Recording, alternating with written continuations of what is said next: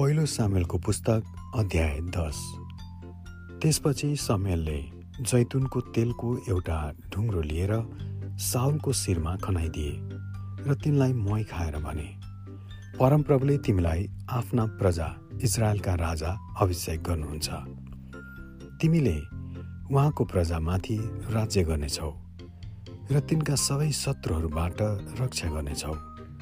परमप्रभुले तिमीलाई आफ्ना प्रजाको शासक चुन्नु भएको छ भन्ने कुराको प्रमाण तिमीलाई यो हुनेछ कि आज मलाई छोडेर जाँदा तिमीले दुईजना मानिसहरूलाई बेन्यामिनका इलाकाभित्र सेलसहमा भएका राहेलको चिहानेर भेट्नेछौ।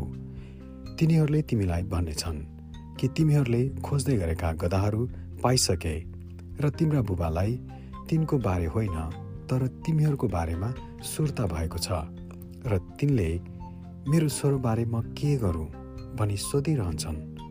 त्यहाँबाट गएर तिमीहरू तबोरको पवित्र रुखसम्म पुग्नेछौ जहाँ तिनजना मानिसहरूलाई बेथेलमा परमेश्वरलाई बलि चढाउनका निम्ति जाँदै गरेका भेट्नेछौ। तीमध्ये एउटाले तिनवटा पाठा डोर्याएको हुन्छ अर्कोले तिनवटा रोटी बोकेको हुन्छ। र तेस्रोसित दागमध्येले भरिएको एउटा छालाको मसक हुनेछ। तिनीहरूले तिमीहरूलाई अभिवादन गर्नेछन् र दुईवटा रोटी दिनेछन्। ती ग्रहण गर्नु। त्यसपछि तिमीहरू गिबामा परमेश्वरको डाँडामा जानु जहाँ एउटा पलेस्ती छाउनी छ। सहरको ढोकामा तिमीहरूले एक हुल अगमवक्ताहरूलाई बिडा खैजडी बाँसुरी र सारङ्गी बजाएर डाँडाको बेदीबाट ओर्लदै गरेका र अगमबाडी बोलिरहेका हुन्छन्। परमप्रभुको आत्माले झट्टै तिमीलाई आफ्नो अधीन गर्नुहुनेछ र तिमीले अगमबाडी बोल्नेछौ र एक भिन्नै मानिस हुनेछौ। यी कुरा भएपछि परमेश्वरले जस्तो अगुवाई गर्नुहुन्छ त्यस्तै काम गर। तिमी मेरो अघि गिलगाल पुग्नेछौ। त्यहाँ म तिमीलाई भेट्नेछु र होम बलि र मेल बलि चढाउनेछु। म त्यहाँ आई तिमीलाई के गर्नुपर्छ सो नबताएसम्म सात दिनसम्म पर्खिबस।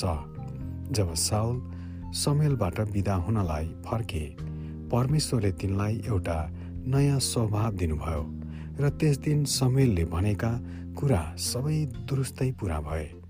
जब साउल र तिनका चाकर गिबामा आइपुगे एक हुल अगमक्ताहरूले तिनलाई भेटे झट्टै परमेश्वरको आत्मा तिनमा उत्रनुभयो र उनी तिनीहरूसित मिलेर अगमबाडी बोल्न थाले।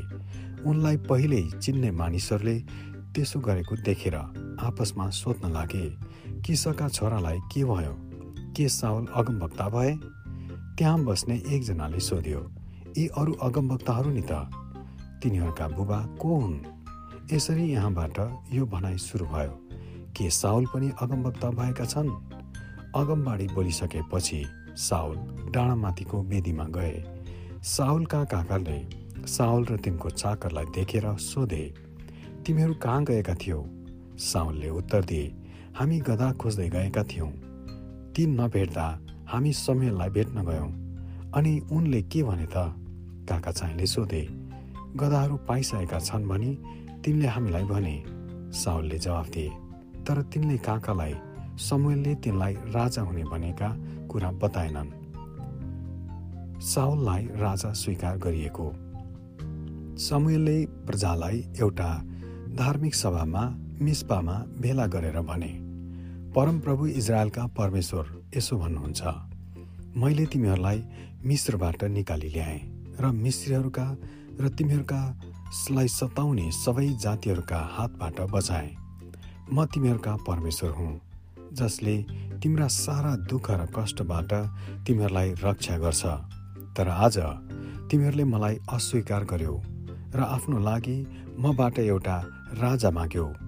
अब परमप्रभुको सामुन्य तिमीहरू कुल कुल र गोत्र गोत्र गरी भेला हो। तब समूहले हरेक कुललाई अघि आउन अराए र परमप्रभुले बेन्यामिन कुललाई चुन्नुभयो। त्यसपछि समूहले बेन्यामिन कुलका परिवारलाई अघि आउन अराए र मन्त्रीको परिवार चुनियो। त्यसपछि मन्त्री परिवारका पुरुषहरू अघि आए अनि किसाको छोरो साउल चुनिए। तिनलाई तिनीहरूले रोजे। तर नपाएर परमप्रभुलाई सोधे के अझै अरू कोही छ? परमप्रभुले उत्तर दिनुभयो साउल त्यहाँ खानेकुरा राखेका ठाउँको पछि लुकेको छ। त्यसरी तिनीहरू दगुरेर गए र साउललाई निकालेर मानिसहरूका माझमा ल्याए र तिनीहरूले देखे कि सबैजना तिनको कुमभन्दा होचा थिए। समयलले प्रजालाई भने परमप्रभुले चुन्नुभएको मानिस यिनै हुन्। यिनी जस्ता अरू कोही हाम्रा माझमा छैनन्। सारा प्रजाले नारा लगाए। राजा दीर्घायु हुन्। समयलले राजाका अधिकार र कर्तव्य प्रजालाई बुझाइदिए र ती एउटा किताबमा लेखेर पवित्र स्थानमा राखिदिए। त्यसपछि तिनले सबैलाई घर पठाइदिए। साउल पनि गिबामा आफ्नो घर गए।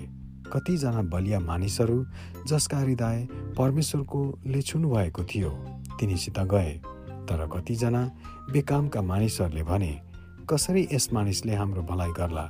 तिनीहरूले साउलको निन्दा गरे र उनलाई कुनै भेटी दिएनन्। आमेन।